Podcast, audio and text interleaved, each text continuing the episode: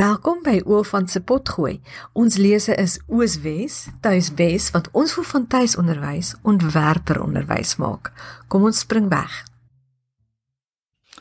Hallo, Karen hier. Baie dankie dat jy vandag na Oofant se potgooi luister. As Oofant ondersteuner maak jy deel uit van 'n groot groeiende groep entoesiastiese ouers wat puik ontwerper onderwys kies vir hulle kinders. Oofant haal die angel uit jou tuisonderwys en sit die lag terug daarin. Dit haal die byt uit Afrikaans en maak Afrikaans pret. Met ons fantastiese kursusse kan jou kind Afrikaans baas raak en geniet. Dit gee hom boonop 'n fondament vir al sy studies vorentoe. Let wel, my werk by Oofant is nie deel van my werk by die Pestalozzi Trust nie en is ook nie regsadvies nie. Nou goed, vandag wil ek vir jou vra Waarheen is jy op pad met jou tuisonderwys? Wat is jou eindbestemming? En om daardie vraag te beantwoord, nooi ek jou uit om jou te verbeel jy's op see.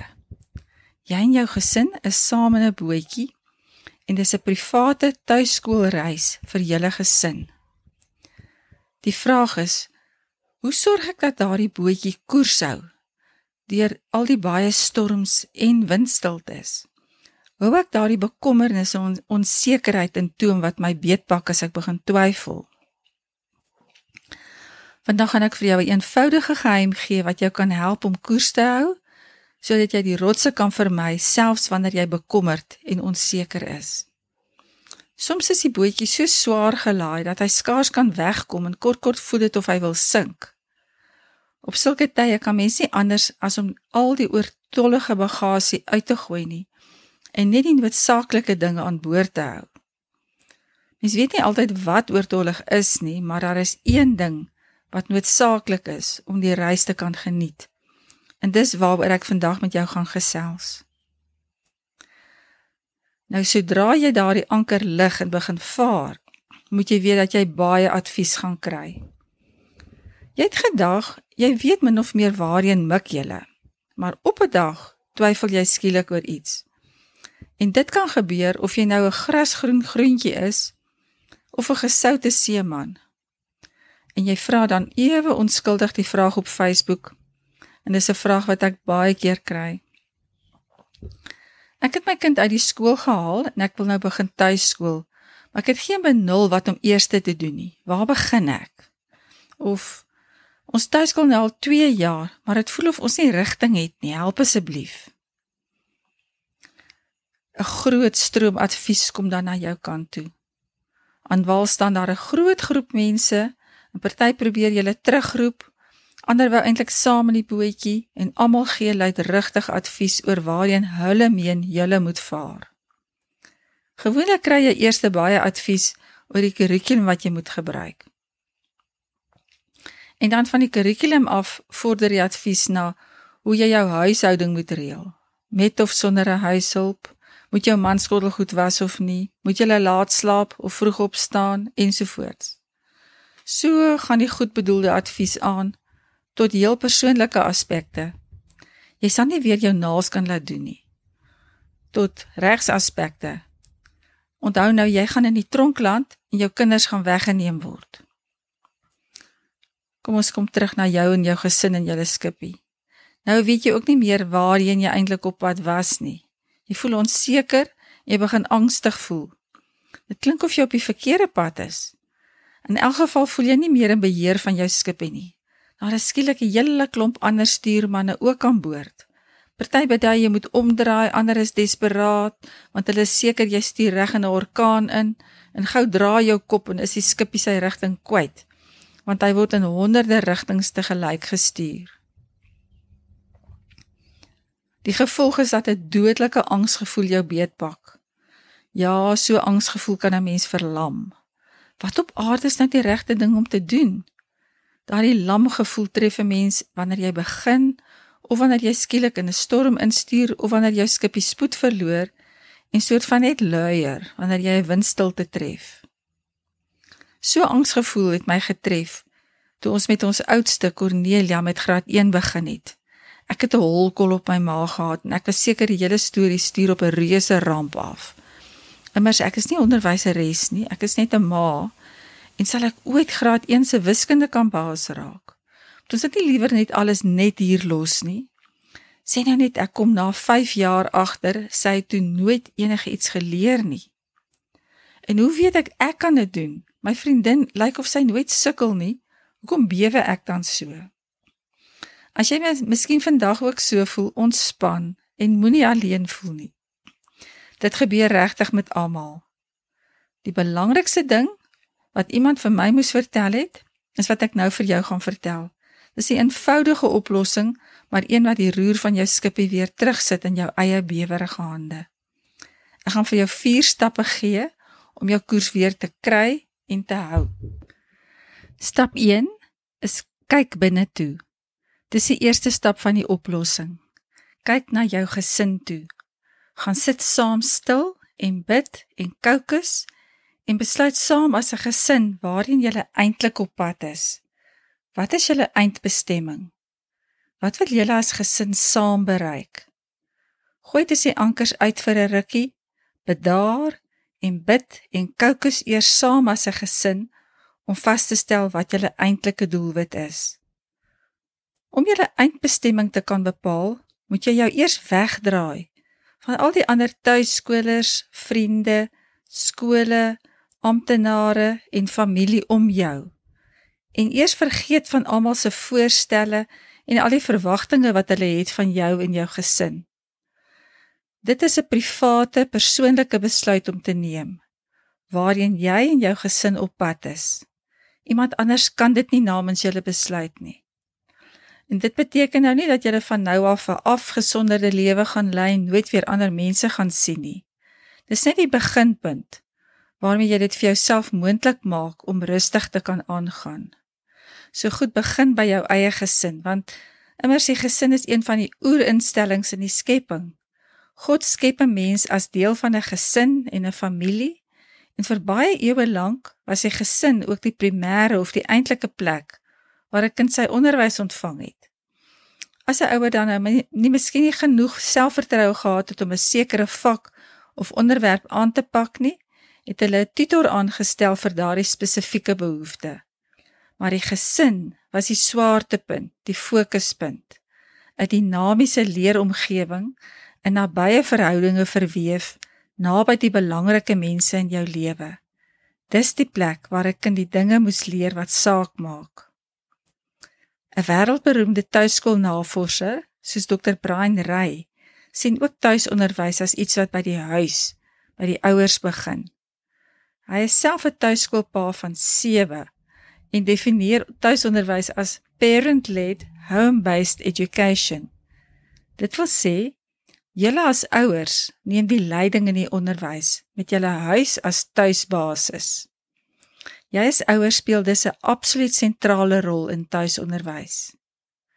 So dis die moeite werd om tyd en moeite hieraan te bestee. Gun jouself die tyd om dit te doen. Dit gaan jou soveel rustigheid in jou gemoed gee. Dis goed om dit te doen voor jy die ankers lig, maar ook ou tuiskolers wat al 'n hele ruk aan die gang is, beland soms in 'n windstilte waarin die tuiskoolskipie min of meer tot stilstand kom of hulle vind die skipie dobber dan hierheen en dan daarheen asof hy sy rigting verloor het. Eerste ons van Oosterm saam kon besluit wat ons eintlike doel met hierdie waagstuk is en kon besluit waarheen ons saam op pad is, het daardie paniek van my begin bedaar. Stap 2: Betrek die hele gesin. Om julle eindbestemming te kan bepaal, moet al die bemanningslede saam daaroor besluit. Dit wil sê julle moet 'n konsensus bereik. Want dit kan nogal groot probleme skep as al die bemanningslede almal verskillende idees het oor die eindbestemming van die reis. Probeer dus daarop besluit voor jy afskop met die reis of dan sodra jy agterkom die skipie verloor spoed of rigting. Maar terloops moet jou asseblief nie bekommer as jou kinders nou nie onmiddellik vir jou kan sê waarheen hulle mik of wil mik nie. Want onthou 'n kind wat lank in die skool was, is gewoond daaraan dat ander mense vir hom besluit wat hy wanneer wil doen. Na mate die kind meer vryheid gegee word en die kans kry om sy eie talente te ontgin, sal hy wel 'n lewensdoel vir homself en selfs vir julle gesin kan begin formuleer. Ons gesels in 'n volgende potgooi ook meer hieroor. So op so skeepvaart is die bemanning aangewese op mekaar, want een ou of vrou alleen kan nie die skip op koers hou en sorg dat die seile op die regte tyd voor die wind gespan word of weer gestryk word as daar 'n storm opsteek nie. Elke lid van daardie gesin is belangrik. Elkeen het talente en vaardighede wat verskil van die talente en vaardighede wat die ander het en wat kan help om die skipie op koers te hou. Net so is tuisonderwys nie iets wat mens alleen doen nie. Om julle eindbestemming te bepaal is bydraes van almal in die gesin nodig. Goed stap 3. Kyk ver. Om jou eindbestemming of jou langtermyndoelwit te kan bepaal, moet mens ver kyk. So lig jou oë op van die bodem van die skipie af en kyk ver. Kyk ver die toekoms in. Vra jouself af: Watter soort mens wil ek graag in my kind sien oor 10 of 15 jaar nadat ons tuiskooljare verby is? Dink aan langtermyndoelwitte op alle vlakke moreel, intellektueel, geestelik, fisies ensovoorts. Dra julle besluite aan die Here op en hy sal julle ook lei daarin en in die uitvoering daarvan. So jy wil graag weet wat is my visie as ouer vir ons gesin vir die tuiskooljare en ook vir die jare daarna. Nou onthou jou eindbestemming of jou langtermyndoelwit of doelwitte is iets wat nog steeds daar sal wees nadat jy al jou korttermyndoelwitte bereik het. 'n Korttermyndoelwit is byvoorbeeld om te sorg dat Boetie nou deur sy graad 5 kom of om Sissie van die ellendige geboelie in die skool te verlos. Iemand by wie ek al baie geleer het, is Dr. Debra Bell. En sy vertel in haar boek The Ultimate Guide to Homeschooling. So mooi hoe hulle as gesin hulle eindbestemming of einddoelwit bepaal het toe hulle begin het om hulle vier kinders te tuiskool. Dit het hulle baie gehelp om hulle kompas in te stel voor hulle begin het. Soos alle ouers het hulle ook gevind dat daar duisende mooi dinge en ideale is wat hulle graag vir hulle kinders wil laat bereik, maar hulle as gesin het dit uiteindelik tot 'n paar einddoelwitte gekondenseer en dit sommer ook vir hulle self neergeskryf. Daardie doelwitte was haar inspirasie deur al haar tuiskooljare, vertel sy. Dit waarop hulle besluit het is die eerste een hulle kinders moes lief wees vir leer. Hulle moes lewenslange leerders word. Die tweede een Dit wat hulle leer moes nuttig wees. Hulle moes 'n bestaan daarmee kon maak. Maar bovenal, die derde een, hulle moes die Here leer ken en dien. Hierdie doelwitte is nou natuurlik net 'n voorbeeld van wat 'n mens kan kies. En julle as gesin sal julle eie doelwitte hê. Dis immers 'n baie persoonlike saak. Goed, ons het nou stap Stap 2 en stap 3. Nou stap 4.